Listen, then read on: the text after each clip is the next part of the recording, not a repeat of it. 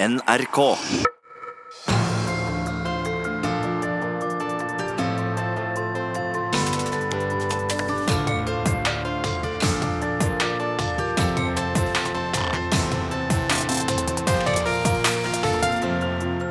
I disse dager har Norge gått på et sviende tap i Den europeiske menneskerettsdomstolen.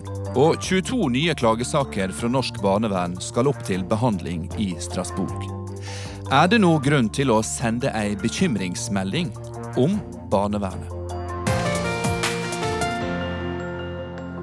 Ja, disse dager er tilbake med ei ny utgave på NRK P2. Velkommen til eh, deg som lytter på i radioen, og eh, til publikum her ved scenen på Skatten i Oslo.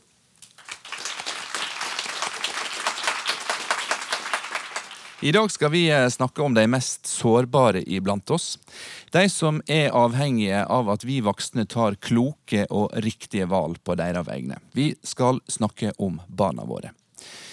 I fjor tok staten ved barnevernet over omsorga for barn i 860 saker, slik som de gjorde med sønnen til Trude Strand Lobben. Avstigning venstre side.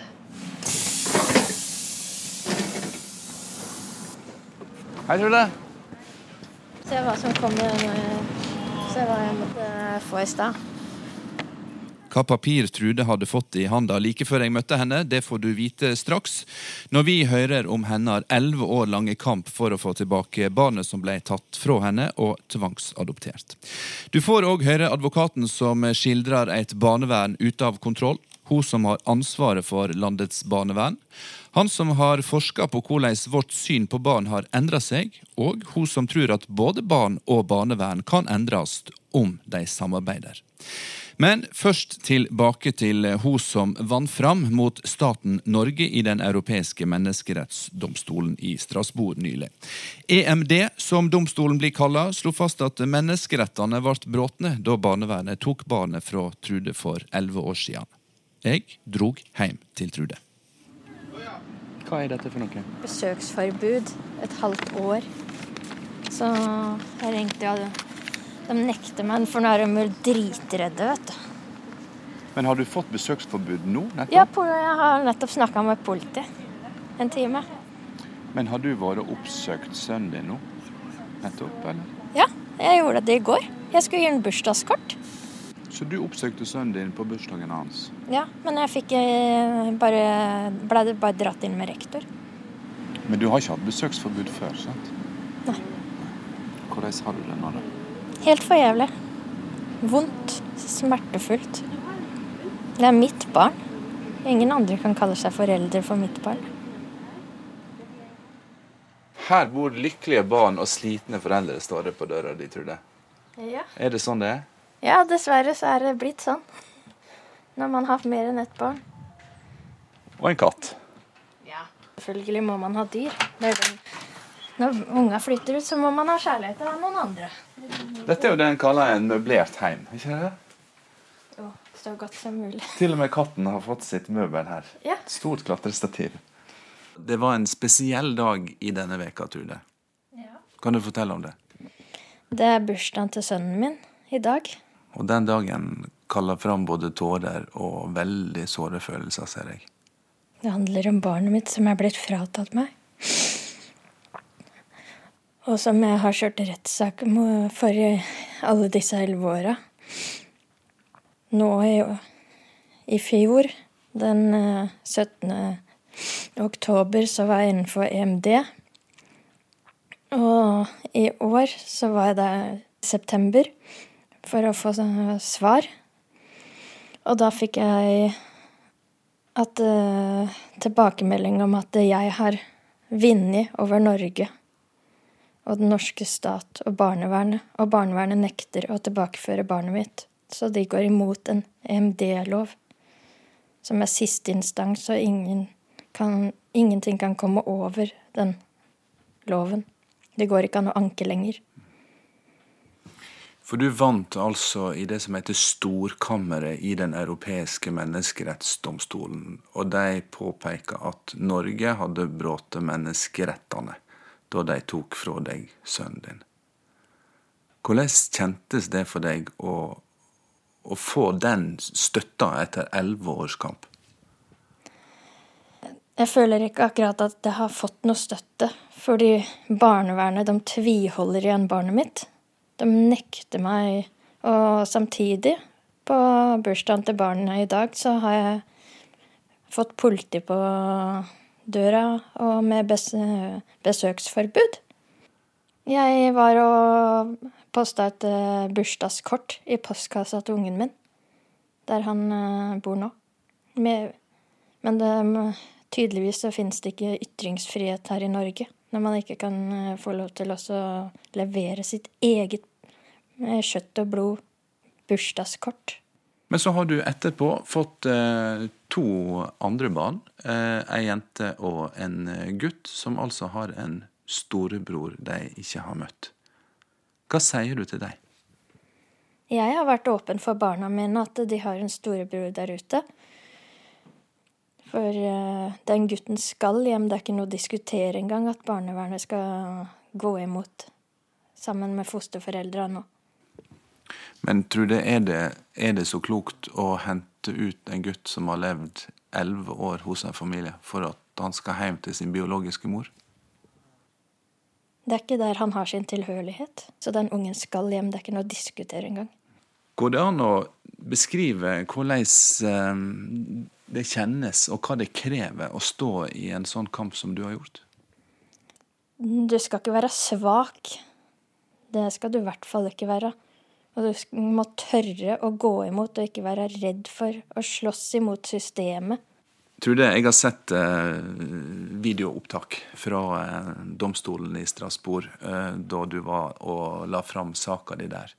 Og det, det, er jo et enormt opplegg. En stor sal med veldig mange mennesker, og dommere i svarte kapper.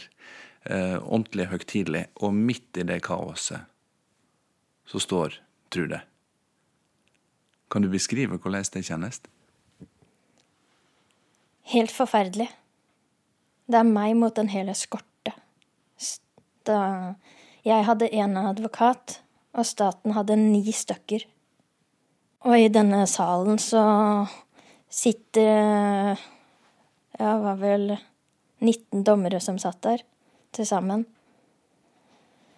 Og alle sitter eh, i en eh, hals, halvbue. Og sitter der og bare lytter. Sitter bare og lytter, og så sitter du og er veldig spent på hvor, hvordan dette skal gå. Ja. Det sitter der og er følelsesladd, for det er ungen din. Ja, første barnevernssaken som har kommet gjennom på flere år. Og den kan bane vei for, for så mange andre mennesker der ute. Av de andre stakkars foreldra som jeg har blitt ødelagt livene sine for. Hadde ikke saken min kommet opp der, så for det blei jo plutselig skikkelig press på Norge etter at saken min hadde vært oppe der. Og det gosser meg litt mot dette landet vi bor i. Vil du snakke med han? Vil du klemme han? Vil du se han? Vil du fortelle han noe? Jeg har lyst til å fortelle ungen min den sannheten om at uh, han har uh, fått en oppvokst, oppvekst på grove løgner. For du tror ikke at han veit om at du finnes? Nei. Ifølge hva jeg har fått eh, vite, så veit den tydeligvis ikke om meg. Men jeg Men den ungen, den skal hjem. Det er ikke noe å diskutere.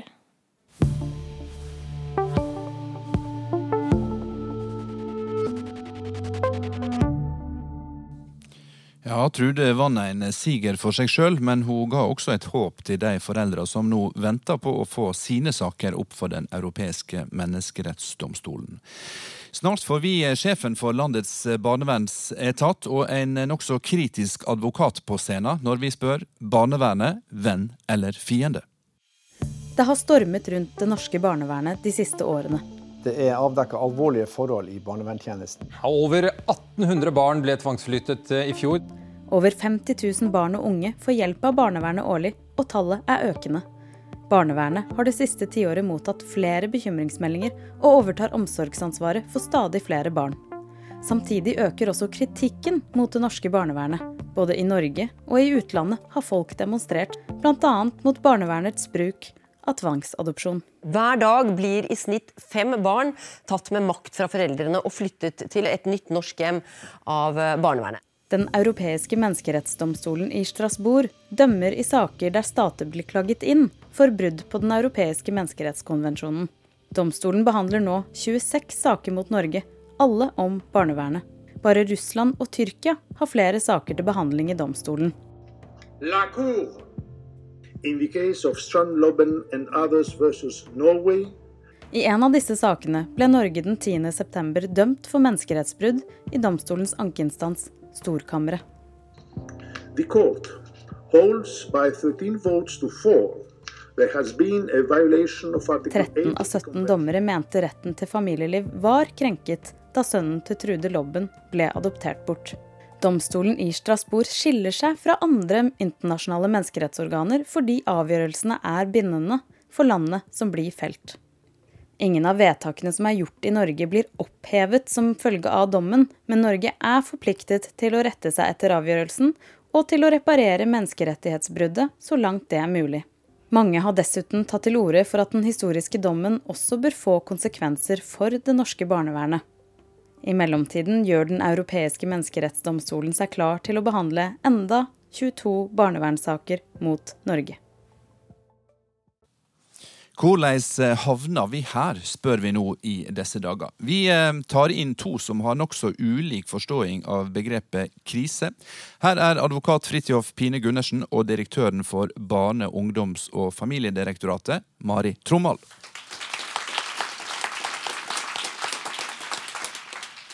Først eh, vil jeg spørre deg, Fridtjof Pine Gundersen. Du er advokat i Barneadvokatene og styreleder i stiftelsen Barnas rettigheter. Trudes sak den er spesiell, fordi det er den første av eh, dette slaget som har, vært, som har vunnet fram i eh, Den europeiske menneskerettsdomstolen på svært lenge. Men er selve barnevernssaka spesiell? Nei, Trudes eh, sak er ikke spesiell, og det er veldig synd å måtte si det. Den eh, er en typisk sak i norsk barnevern. Og det betyr ikke at alt norsk barnevern er dårlig. Eh, Det er mye godt barnevern i Norge, men det er for mye som er dårlig. Og det er for mange avgjørelser som er råtne. Og det er for mye dårlig arbeid. Og, man, det, er, det er det viktigste vi har i landet, dette her. Altså, det er liksom Det er fengsel, og det er barnevern. Ikke sant? Straff for barnevern. Og kanskje eh, institusjon, psykisk sykdom. ikke sant? De tre. Det er liksom de, de tre tingene vi skal klare som menneskerettighetsnasjon. Det var et eller annet uh, Fleksnes sa om at eh, viljen til å løse et problem øker proporsjonalt med avstanden til problemet. Og det er typisk Norge. Vi er, vi er veldig harde på menneskerettigheter så lenge det gjelder noe annet. Og jo lenger borte, jo bedre. Du var veldig raskt ute etter eh, dommen fra Strasbourg med å si at norsk barnevern er ute av kontroll. Og det er jo en nokså kraftig påstand. Ja, og eh, når, når jeg sier det, så er det fordi dette går galt i flere ledd. Eh, vi har eh, et eh, Vi har krav fra barnevernet til foreldreskap som det er veldig vanskelig å forholde seg til. Nå er det Tidligere var det slik at Barnevernets oppgave var å gripe inn mot klassisk omsorgssvikt. Og det vil si at det var rus, det var psykiatri osv. Eh, nå er det slik at over 50% av omsorgsovertagelsene skyldes mang påståtte mangler ved den følelsesmessige omsorgen, altså manglende foreldreferdigheter. Og 80 eh, og hold dere fast, 80% av norske omsorgsovertakelsessaker starter med et akuttvedtak hvor en barnevernsleder har gjort noen kjappe vurderinger og som automatisk blir godkjent av fylkesnemnda. Vi skal gå inn i, det, vi skal gå inn i eh, og ja, detaljene så- her, så- Så, det, så det, det, det betyr det, det, det betyr at vi har et tog som veldig fort settes i bevegelse på eh, et tynt grunnlag, og det er forferdelig vanskelig å stoppe. Mari Tromal, du er direktør i eh, Barne-, ungdoms- og familiedirektoratet, forkorta til Bufdir. Det er du som er lokomotivføreren på, på dette toget. Det er du som skal ha kontroll med landets barnevern. Hvor var det det gikk galt? Ja, først bare for å presisere, Vi er et direktorat som har da et faglig ansvar for utvikling av barnevernet. Og så er det jo sånn at utøvelsen, så mye av det som blir vist til her, er ansvaret lagt til landets kommuner. Og så er det jo fylkesnemnd og domstolene våre som fatter vedtak i mange av disse sakene. Men hvor var det det gikk galt, Tromald? Ja, om, jeg, Bare for å kommentere litt på den oppfatningen som uh, min motedebattant her uh, kommer med, så kjenner jeg nok ikke meg helt igjen med den måten å presentere barnevernet på. er det fordi du har for stor avstand til eh, problemet med tanke nei, på Fleksnes-sitatet? Nei, det er nok mer hvis vi går inn i, i fakta. Nå har Helsetilsynet, som er tilsynsmyndigheter, har jo akkurat gått gjennom 106 saker eh, hvor det har vært omsorgsovertagelser og akuttvedtak.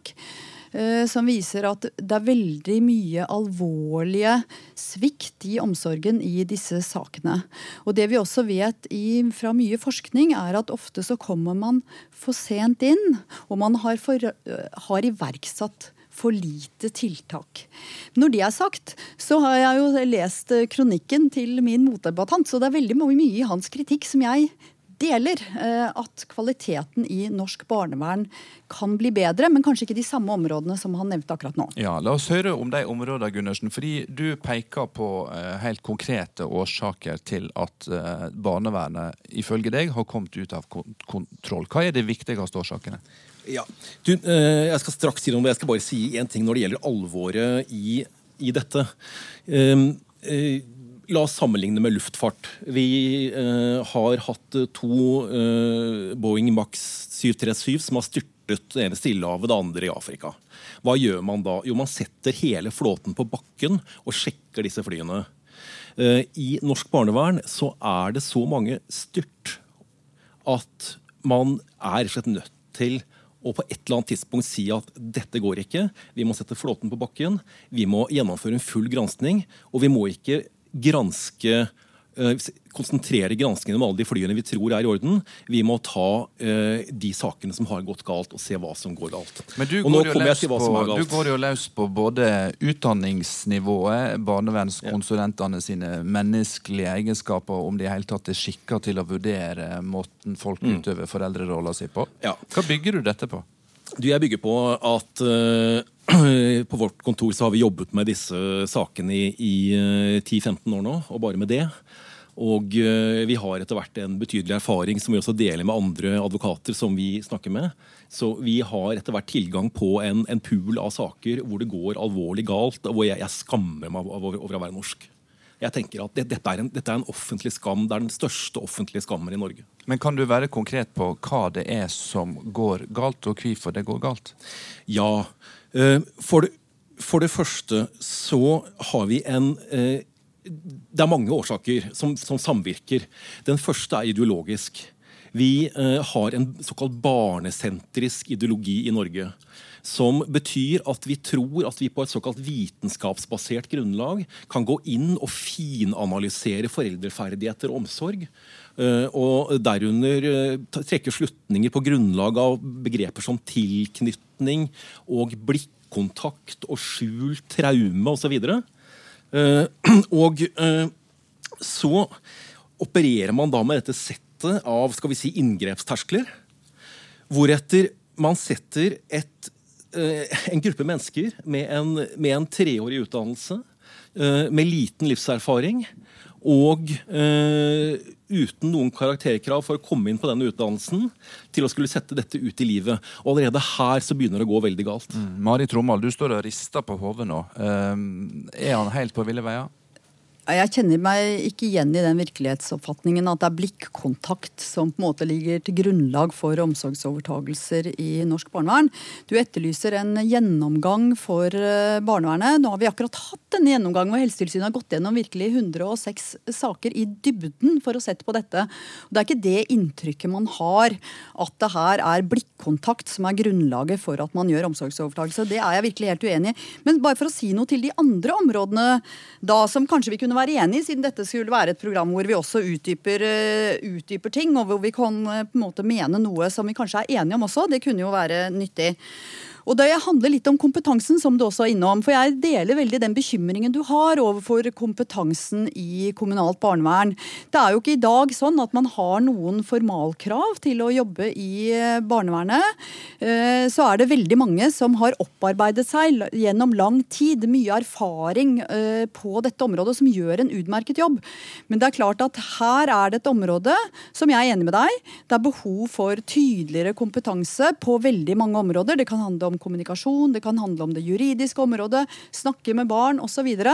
så det deler jeg med deg. Og her Troman, kommer vi med en eh, med anbefaling til eh, departementet om kort tid om hvordan det bør se ut. Utgangspunktet var dommen i eh, menneskerettsdomstolen i Strasbourg. Nå er det 22 saker som ligger og venter på behandling. De er sluppet gjennom et trangt nåløye og vurdert som skal jeg si, interessante nok for å bli, bli realitetsbehandla. Er ikke det i seg sjøl nok grunn til å stoppe opp og spørre om vi gjør tinga riktig her i landet? Jo, og det som eh, det innslaget også viste, er jo viktigheten at vi har en god kvalitet i norsk barnevern. Og fra myndighetenes side er det ingen tvil om at vi ser utfordringer i kvaliteten i kommunene. Forskjellen mellom kommunene, og som jeg akkurat var innom, kompetansen på dette området. Og det er jo grunnen til at det er blitt satt i verk kompetanseløft og ulike andre tiltak for å forsikre seg om at kvaliteten øker i norsk barnevern. Helt eh, til slutten for deg, Gundersen. Eh, du har eh, snakka om barnevernets dårlige rykte. Er det òg i ferd med å ødelegge rettsstatens rykte? Ja, jeg mener det. Fordi uh, disse råtne barnevernssakene, som det er mange av, de starter jo med dårlig utredning i barnevernet. Og det starter også ofte med en tidlig konflikt mellom foreldrene og barnevernet, hvor de barnevernsansatte ser på det som sin oppgave å vinne over foreldrene hvor det blir hovedformålet. Men så kan man si at jo, men skal ikke noen kontrollere dette her. Men allerede der har vi et problem, for det er dårlig og sviktende arbeid som skal kontrolleres. Fridtjof Pine Gundersen, takk skal du ha for at du eh, kom hit på vegne av deg sjøl og barneadvokatene. Mari Tromalde, BUF-direktøren, skal få være med videre når vi nå leter etter mulige løsninger for et hardt prøva barnevern her i disse dager.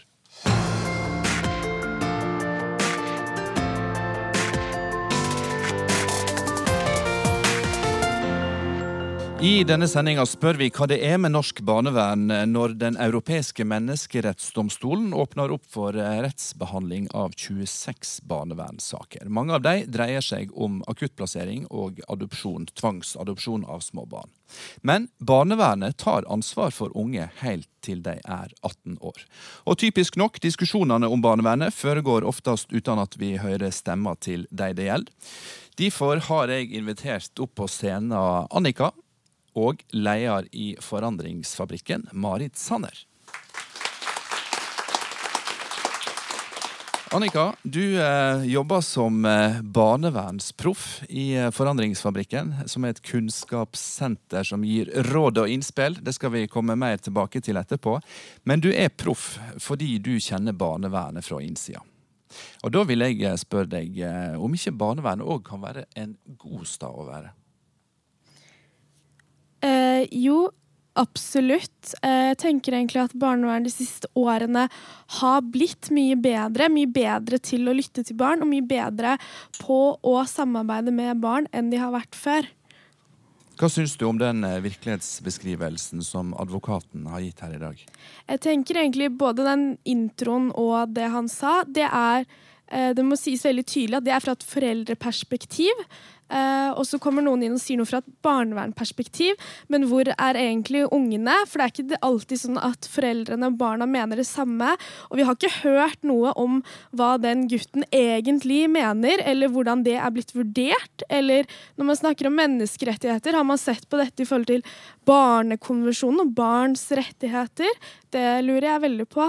Eh, Så egentlig så føler jeg at man veldig mange ganger egentlig snakker om barnevernet fra enten barnevernkanten eller myndighetskanten eller foreldrekanten, og nesten aldri barna. Og så snakker man Barnevernet snakker liksom på vegne av barnet, da, og foreldrene snakker liksom på vegne av barnet. Så hvem er det egentlig som eier sannheten? Så blir liksom stående ute i verden som at eh, begge de har sannheten på hva som er svar fra barna i barnevernet, og sånn er det ikke.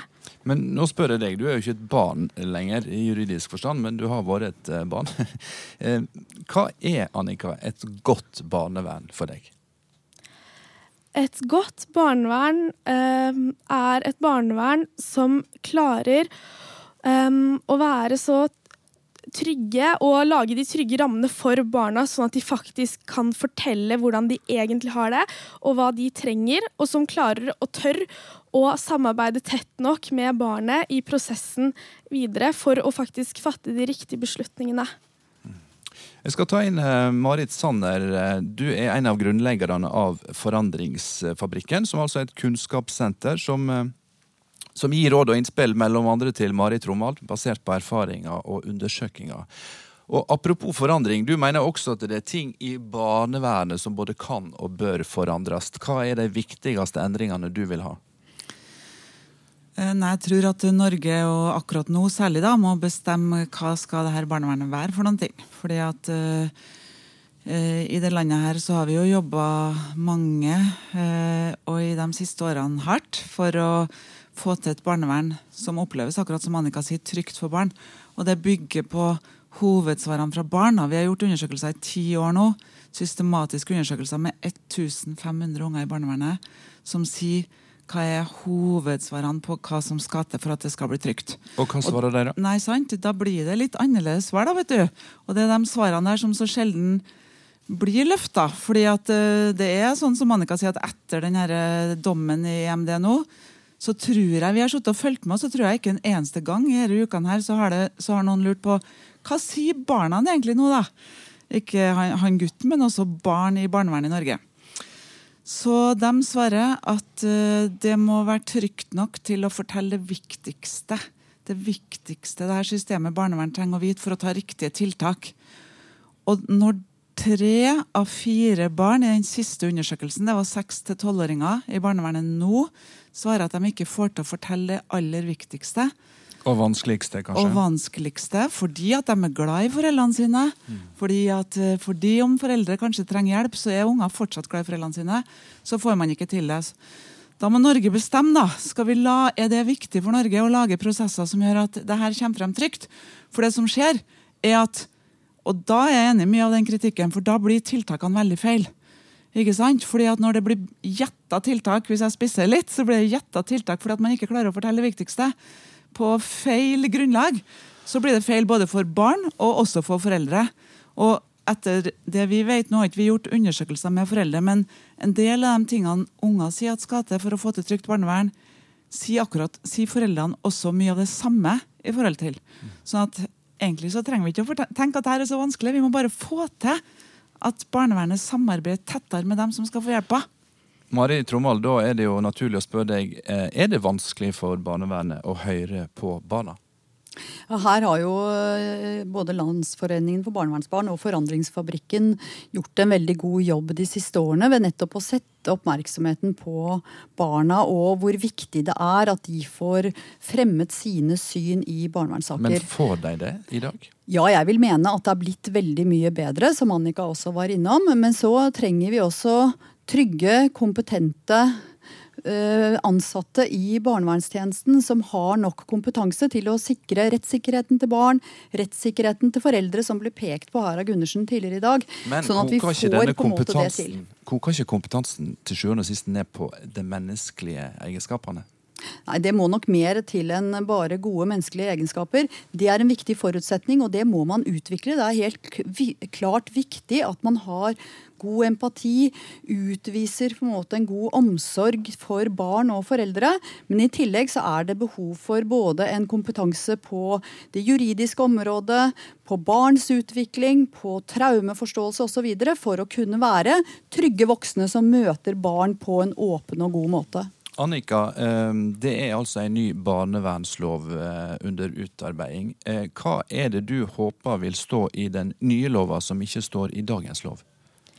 Jeg håper at i den nye loven at man kan si fra først når barnet møter barnevernet helt i begynnelsen, at man skal kunne samarbeide tett med barnet uten å si ting med en gang videre til foreldrene eller andre samarbeidspartnere, fordi det gjør det veldig utrygt for barn å fortsette å fortelle. Og barn må liksom få tørre å fortelle litt, og så litt til, til de egentlig liksom har sagt ordentlig hvordan de har det. For barn kom, når de møter barnevernet, så er det ikke sånn Og så bare trykker man på en knapp, og så forteller man. Eh, det er mange spørsmål inni hodet som Hvorfor skal jeg fortelle i det hele tatt? Hva skjer med det jeg forteller? Hvem får vite det? Hva er egentlig barnevernet? Altså, jeg visste jo ikke hva barnevernet var, annet enn liksom ordet. Så loven må rigges sånn at den første tiden i barnevernet den blir trygg nok til at barna kan si det viktigste sånn at beslutningsgrunnlaget blir riktig. Og i tillegg så er det én ting til, og det er at man snakker veldig mange ganger om dette her med barnets beste, og at alle avgjørelser skal være til det beste for barnet. Og da må loven være veldig tydelig på at eh, man kan ikke gjøre det uten å spørre barn og snakke med barn og vite hvordan deres virkelighet kjennes ut. For i dag så kan eksperter uttale seg og sier det er det beste for Annika. Eh, dette mener vi uten at de egentlig har spurt meg og, og, at den settingen gjøres trygg nok, da, sånn at jeg kan, faktisk kan fortelle hvordan jeg har det. Annika, tusen takk for at du kom til disse dager. Takk også til Mari Marit Sanner fra Forandringsfabrikken og direktør i Barne-, ungdoms- og familiedirektoratet, Mari Tromma. Barna skal høres i saker som angår deg, eh, sa Annika, barnevernsproffen, nettopp.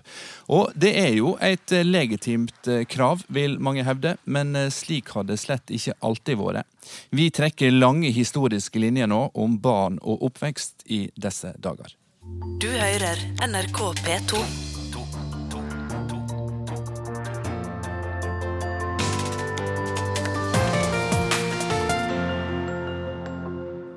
Jeg skal bli ørlite grann eh, personlig nå og fortelle at eh, da mor mi var ni år gammel, så ble hun sendt alene til fjells for å gjete og mjølke kyr. Barbeint tråkka denne vesle odelsjenta sti og hei i all slags vær.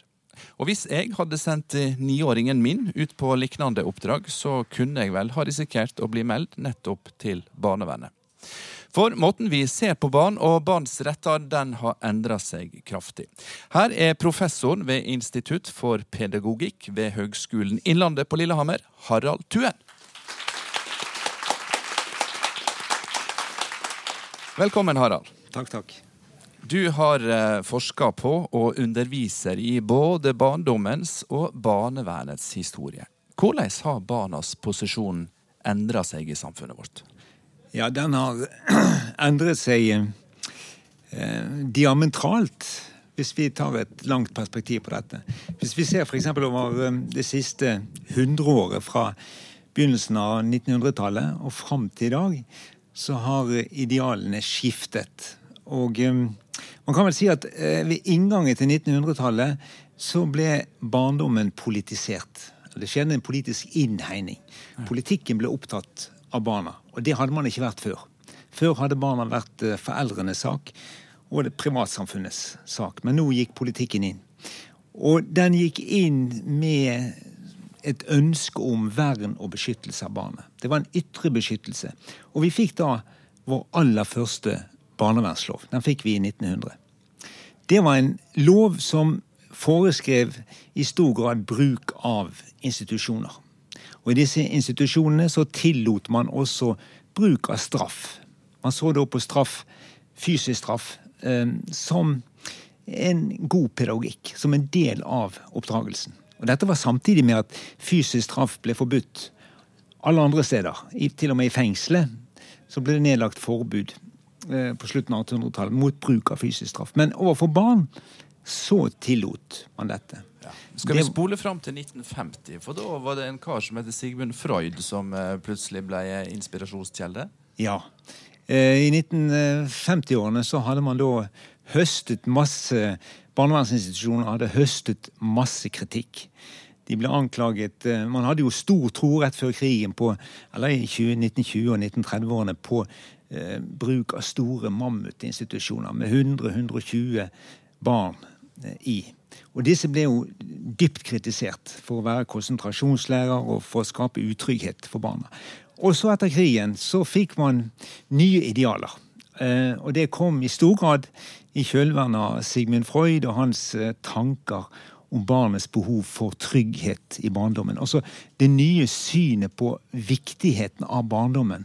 Hvordan barndommen la et grunnlag for voksenlivet, for vår personlighet. Frykten for traumer og nevroser osv. Og det var altså, så, så da fikk vi, da vi fikk en ny barnevernslov eh, på begynnelsen av 1950-tallet, der man var veldig opptatt av barnets sårbarhet. Altså Det som vi tar for gitt i dag, at vi må skape trygge barn. Eh, og Omgivelsene må være trygge, oppvekstvilkårene må være trygge. Det var ingen selvfølge på den tiden. der. Sånn. Så emissærene innenfor barnepsykologi, barnepsykiatri ungdomspsykiatri gikk på banen med et kraftfullt budskap om at nå måtte vi sørge for at barna eh, fikk det psykisk, emosjonelt trygt. Og på 80-tallet så fikk barna også sitt eget ombud. Og ombudet er opptatt også, som andre vi har snakka med i dag, opptatt av at barn skal få være med og bestemme over eget liv. For medbestemmelsen står veldig sentralt. Ja. Medbestemmelse kommer inn, og man kan godt si at det er på en måte det tredje store ideale temaet i dette i 19, under 1900-tallet. Eh, det er riktig som du sier, vi fikk altså i 1981 lov om barneombud. Og denne er ganske skjellsettende og interessant, fordi at eh, barneombudet skal jo da være barnets advokat. Eh, og fri på en måte fra hva foreldrene mener. Altså Barnet skal kunne henvende seg til barneombudet uten at foreldrene har noe med det å gjøre. Og det var viktig, ikke sant, ut ifra disse tankene om medvirkning, medbestemmelse, og ikke minst altså denne setningen om at barnet skal høres. Men si meg en ting. Er det godt eller gale at barna skal høres i ett og alt og få være med å bestemme når de er relativt små? Ja, det er et, selvfølgelig et stort og vanskelig etisk tema. Um, og man har diskutert det eh, siden 1980-tallet. På 1980-tallet så, så, tenkte man at man, man, man, måtte sette en aldersgrense. Man tenkte vel seg tolv år. Seinere ble den eh, satt ned til syv år, og i dag diskuterer man om man skal ha noe aldersgrense i det hele tatt eh, på dette. Og det er klart at dette er jo knyttet til ja, etiske sider, men også eh, emosjonelle sider. Altså hva er barnet i stand til å snakke om, og hva skal man snakke med barn om? Ikke sant? Slike spørsmål er det er ømtålige spørsmål. Vi har nettopp hørt etterlysninga etter et barnevern som snakker eh, mer med barna og de unge, og gjerne før de går til de voksne. Eh, skaper denne retten til medbestemmelse også utfordringer for barnevernet? Ja, definitivt. Altså det kom jo nå nylig, i, i, mars var det vel, en stor tilsynsrapport fra barnevernsinstitusjonene. Og der ble det jo pekt på store mangler og en god del lovbrudd. Jeg tror tre av fire av de 60 institusjonene som ble undersøkt, hadde mangler. Og det typiske ved de manglene, det går jo nettopp på ivaretakelsen av barnets medvirkning. Altså i hvilken grad er barnet blitt fulgt opp? I hvilken grad har det hatt en stabil voksenkontakt? I hvilken grad har personalet hatt kompetanse til å snakke med barn? Og det er vanskelig å snakke med barn. Um, og, du, og et, et, helt fundamentalt grunnlag er jo fortroligheten og at barna har tillit til den voksne. Og det, den utfordringen der det tror jeg er den store utfordringen i dagens barnevern. Utfordringene har vi peka på. Eh, takk skal du ha, Harald, for at du også gav oss barndommens og barnevernets eh, historie i disse dager. For norsk barnevern har også greid å skape historie, rett og slett norsk diplomatisk historie, som enda med utvisning av en polsk konsul til Norge. Mer om dette når vi nå ser på motstanden mot norsk barnevern i Polen. Foran den norske ambassaden i Warszawa har det igjen samla seg en folkemengde med plakater. Barnevernet terror. Barnevernet ødelegger familier, roper polske politikere. Polske medier beskriver en fascistisk institusjon som driver med rasehygiene. Norsk barnevern har fått et mildt sagt frynsete rykte i Polen. Nå skal vi ta inn en som følger polsk politikk og samfunnslivet svært tett, nemlig den polskfødde filmskaperen og universitetslektoren ved NTNU i Trondheim, Igor Devold. Velkommen til disse dager fra studio i Trondheim, Igor. Kan du forklare oss hva det har seg at folk i Polen, i Warszawa, har demonstrert mot det norske kommunale barnevernet? Ja, det, det, er vanskelig kanskje litt å forstå, men um, for det første så er det jo eh, den største minoriteten i Norge er jo polakker. Det er 110 000 polakker i Norge, så det gjelder jo for så vidt ganske mange mennesker. Og så tror jeg også at uh, til en viss grad at uh, det er et del av et større internt spørsmål i Polen, altså det er et politisk spill i Polen hvor uh, høyrepopulister bruker Norge som et slags fiendebilde, eh, hvor eh, den vestlige eh, Det vestlige fremstiller som noe negativt som overtar polske barn. Altså at det norske barnevernet blir en representant for en eh, degradering, kan man si, som, som populister i Polen kaller det, av det vestlige samfunnet. Og dette skaper mye motstand i Polen og stort engasjement. Og det er jo eh, grunnleggende sett veldig dramatiske historier vi snakker om. Det er barn som tas fra deres for foreldre i utlandet. Mm. Det, det, det, skaper jo stort engasjement i, i media og blant polakker. Mm.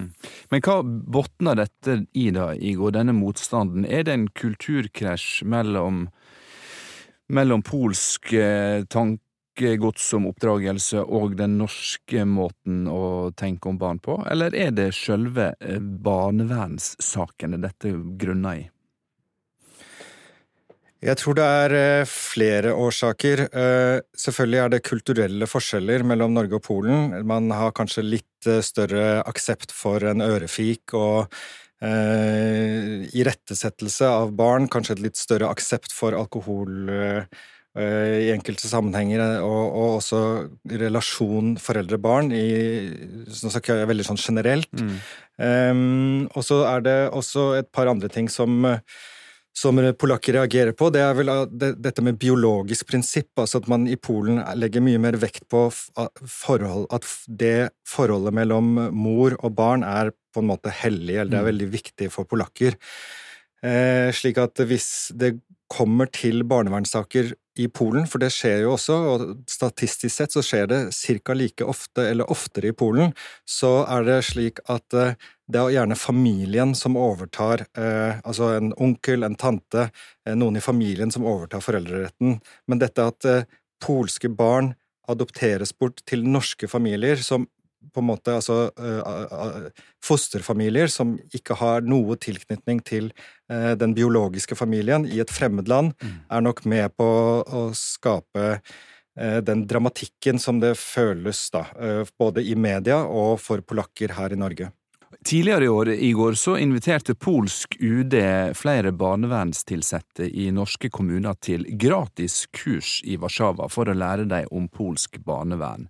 Så vet vi også at eh, ei norsk kvinne, en norsk statsborger som har vært i strid med barnevernet her i landet, har fått innvilga asyl i Polen. Du som er halvt polsk og halvt norsk, hva tenker du om dette?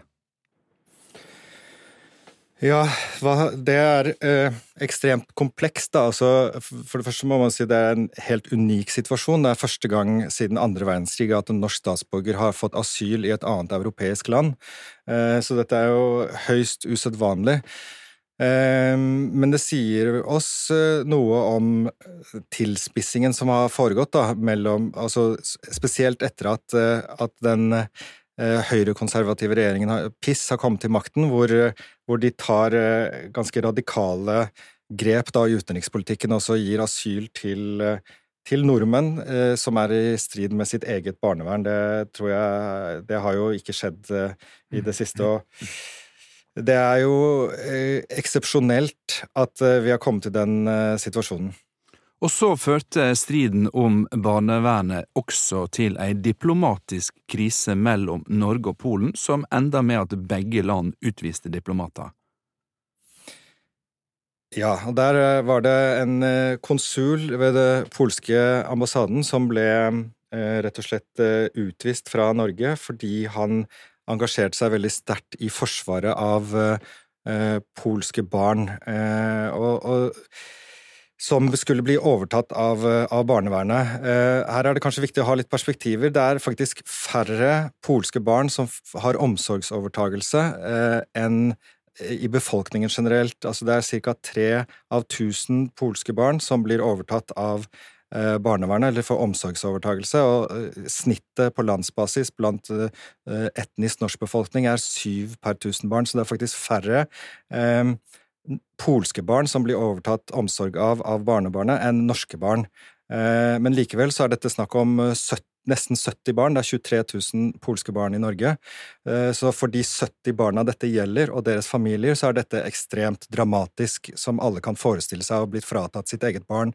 Eh, Og der var konsulen eh, veldig hands on og gikk inn og støttet disse polske familiene, og det ble Eh, han var såpass eh, ingererende at eh, man fikk ganske mange klager på hans eh, eh, oppførsel, som til slutt førte til at eh, norske myndigheter, eller UD, besluttet å erklære ham persona non grata i Norge. Og det er jo også en eh, ganske ekstrem eh, reaksjon, eh, vil man kunne si, fra norske myndigheters side.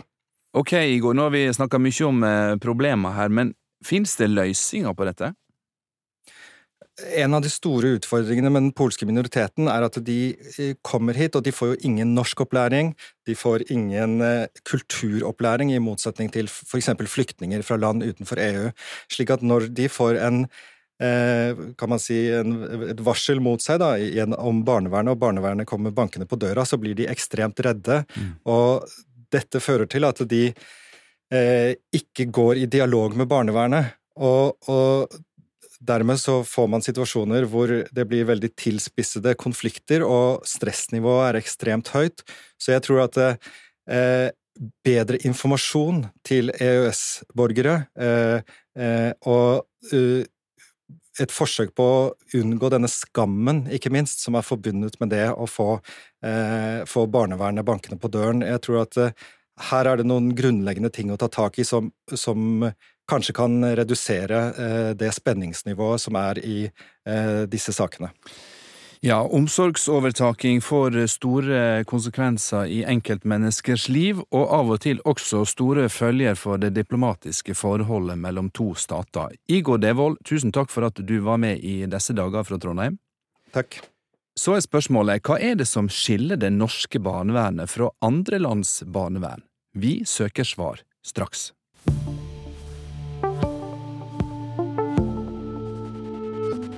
Og for å finne svar på det spørsmålet, så trenger vi en jusprofessor. Vi tar derfor inn Elisabeth Gårding Stang, jusprofessor ved Oslo MET. Velkommen, Elisabeth. Takk. Det er, nei, men ikke bare i Polen norsk barnevern har vekt oppsikt. Det har også vært demonstrasjoner i flere andre land. BBC har laga en helt egen dokumentar om norsk barnevern. Hva er det som har gjort oss så omstridte utenlands?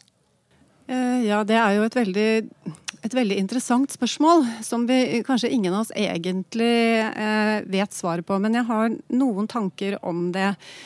Eh, Det, ene litt pussige er jo at eh, når man ser på selve lovgivningen, så skiller ikke norsk barnevernlovgivning seg så veldig fra andre land, i, i hvert fall ikke i Norden. Eh, og, og for så vidt heller ikke egentlig i Europa, men systemet vårt er kanskje litt annerledes. For noe av det som er spesielt med Norge, og som kanskje andre land eh, ikke helt skjønner seg på eller kjenner seg igjen i, er jo at vi har skilt ut barnevernstjenesten som en egen tjeneste. Det gjorde vi i eh, 1991, da vi fikk en egen barnevernlov. Som ble skilt ut ifra fra sosialtjenesten. fordi at I utgangspunktet så ble jo det foreslått en samlet sosialtjenestelov der barnevernet var en, inngikk som en del. Så ble det regjeringsskifte, og så ble barnevern, barnevernloven skilt ut som en egen lov med på en måte en egen, en egen etat med en egen administrasjon. Og det er på en måte et, en, en, form for organisering som eh, andre land ikke har tilsvarende. Og det gjør jo barnevernet eh, vårt veldig synlig, eh, veldig eksplisitt. Um, og, og det, det, er i hvert fall noe som skiller oss fra andre, men hvilken betydning akkurat det får for selve praksisen, er jo vanskelig å, å si noe om uten å ha, ha, forsket noe mer på det. Men det er noe som skiller oss. Så er det jo også sånn med Norge at vi har holdt barns rettigheter-fanen veldig høyt eh, bestandig, nesten. Altså, vi var jo det første landet i verden som fikk en egen barnevernlovgivning, og det var faktisk vergerådsloven i 1896. Og vi var det første landet i verden som fikk et barneombud. Eh, vi, har hatt to jusprofessorer som ledere og medlemmer av FNs barnekomité i flere perioder. Vi har på en måte promotert barns rettigheter Så vi har laga seg fallhøgde, sier du? Eh, vi har vært veldig synlige i hvert fall på dette med barns rettigheter. Veldig mange land i verden ser til Norge, ser hvordan Norge gjør det. Ja, på en måte kan du si at vi skaper oss en høy uh, fallhøyde, men vi, vi, er veldig eksplisitte på barns rettigheter. Um, og eh, da, det, da, kan det jo hende at eh, når det da skjer ting som, eh, som, som blir, vi blir utsatt for kritikk, så blir dette veldig synlig og veldig, og veldig hørbart. Og vi får fokus på oss. fordi likevel er det liksom pussig at lovgivningen til de ulike nordiske landene er såpass like, og at ikke de andre landene har møtt tilsvarende kritikk. For det er jo det er ikke sånn at vi f.eks. Selv om det er bekymringsfullt at vi har så mange akuttvedtak, det er jeg helt enig i, det tror jeg vi alle egentlig som er i feltet, er enige om. Men Finland har enda flere enn oss. Hvorfor får ikke de den samme kritikken? Vi har jo snakka mye om menneskerettene i dag, som Norge ble dømt for å ha brutt da barnevernet tvangsadopterte bort sønnen til Trude Strand Lobben. Tar domstolen i Strasbourg også andre omsyn enn en bare de menneskerettslige? Altså, Domstolen skal jo, eh, skal jo håndtere brudd på Den europeiske menneskerettskonvensjon. Eh, og, og, må forholde seg til det som eh, på en måte legges fram i saken der. Men det domstolen har gjort, og som er et interessant trekk ved EMDs utvikling, det er at den i stadig større grad har lagt vekt på Barnekonvensjonen og Barnekonvensjonens bestemmelser. Og Det gjelder både bestemmelsen om rett til privat, eh, altså familieliv, eh, som også finnes i Barnekonvensjonen, men det gjelder jo særlig utviklingen av prinsippet om barnets beste. Og Der viser EMD eh, e på den ene siden at de holder fast ved det de sa i dommen Adele Johansen mot Norge den gangen, at foreldre kan ikke kreve beskyttet et familieliv som kan skade barnets helse og utvikling. Det har de holdt fast ved hele tiden. Det ble satt fast som en rettssetning den gangen. Men på en annen side så betoner de jo veldig sterkt dette familiebåndet. Og EMD har hatt som utgangspunkt hele tiden at alle omsorgsovertakelser skal være midlertidige. Og at myndighetene må treffe alle tiltak for å søke å tilrettelegge for en form for samvær og kontakt. Så fremt dette ikke kan skade barnets helse og utvikling. Det er et viktig forbehold. Mens eh, det er også det rettslige utgangspunktet i Norge. At eh, alle omsorgsovertakelser skal være midlertidige. Eh, men jeg tror nok at praksis på unntakssiden der er eh, en annen i Norge enn den kanskje EMD legger opp til, ved at vi kan, vi tillater i Norge at uh, barnet skal få bli boende i fosterhjem når det har knyttet nære bånd til fosterfamilien, og det vil medføre alvorlig uh, fare for barnet å bli flyttet, flyttet, hjem igjen. Og Det er jo for å ivareta barnets behov for trygghet og kontinuitet. At ikke barnet skal bli en kasteball mellom hjem, fosterhjem, barnevern og eventuelt institusjon. For det er jo noen barn som faktisk blir det også. Så vi har jo på en måte gjennom vår rettsutvikling forsøkt å styrke eh, barnet som selvstendig rettssubjekt og barnets rettsstilling i barnevernet og barnets behov for trygghet og kontinuitet. Men EMD er ikke helt med hele veien der. Og EMD står altså for Den europeiske menneskerettsdomstolen, som holder til i Strasbourg. Og de har altså åpna opp for behandling av 26 saker fra norsk barnevern. Det er 22 saker som venter på behandling. Sier dette noe om at eh, domstolen har sett Norge under lupa, eller handler det om at eh, det tilfeldigvis har blitt sendt inn så mange eh, saker? Nei, det er ikke tilfeldig. Ikke i det hele tatt. Det tror jeg ikke. Og man kan godt si det sånn at de har satt norsk barnevern under lupen, men det er jo ikke norsk barnevern som sådan. De ser, på, de ser på elementer av saksbehandlingen som kommer fram i de sakene som de tar opp. Det kan også sies noe om hvilke typer saker det er, for ganske mange av disse sakene er tvangsadopsjonssaker. ikke sant? Uh, og tvangsadopsjon er det mest ekstreme, mest inngripende barnevernstiltaket uh, som fins i det hele tatt. Siste spørsmål eh, må du svare kort på. Hvor mange av de flere og 20 sakene som skal opp til doms, kan Norge tape før de som hevder at barnevernet er ute av kontroll og i krise, får rett? Nei, Det syns jeg er et helt umulig uh, spørsmål å svare på. på en måte, fordi at Vi har to store fortellinger om barnevernet i den offentlige debatten. Den ene er at barnevernet griper for fort inn og på for tynt grunnlag og for ofte. Den andre er jo at barnevernet griper altfor sent inn, eller ikke griper inn. Uh, Jf. Barnevoldsutvalgets utredning Svikt og svik. I går kom Kripos med en rapport om alvorlig vold mot små barn under fire år, og en slags alarmerende etterlysning av at man melder fra. Det er disse to hovedfortellingene. Sånn at hvor krisen ligger, eh, eller hvor den, de alvorligste feilene ligger, det er vanskelig å si. Eh, men eh, jeg tenker at det er mye å ta tak i i disse EMD-dommene som forbedringspotensial og lærepunkter for norsk barnevern. Det, det tror jeg ikke det er noen tvil om. Elisabeth Gårding Stang, takk for at du var med i disse dager og bidrog til at vi ble litt klokere om lov og rett og norsk barnevern. Takk også til deg som fulgte oss denne timen, og på forhånd takk til deg som lasta ned podkastutgåva av disse dager, som er tilgjengelig overalt til alle tider. Dagens eh, sending var laga av reporter Linn Helene Løken, som hadde lånt lyd fra Den europeiske menneskerettsdomstolen si nettside, og lova å kreditere dem for det. De tekniske ansvarlige var Helje Torsdotter Svensson og Geir Døhli Gjersjø. Produsent var Marte Rommetveit. Jeg heter Håkon Haugsbø og tar imot tips, ris og ros på e-posten disse dager krøllalfa nrk.no. På gjenhør.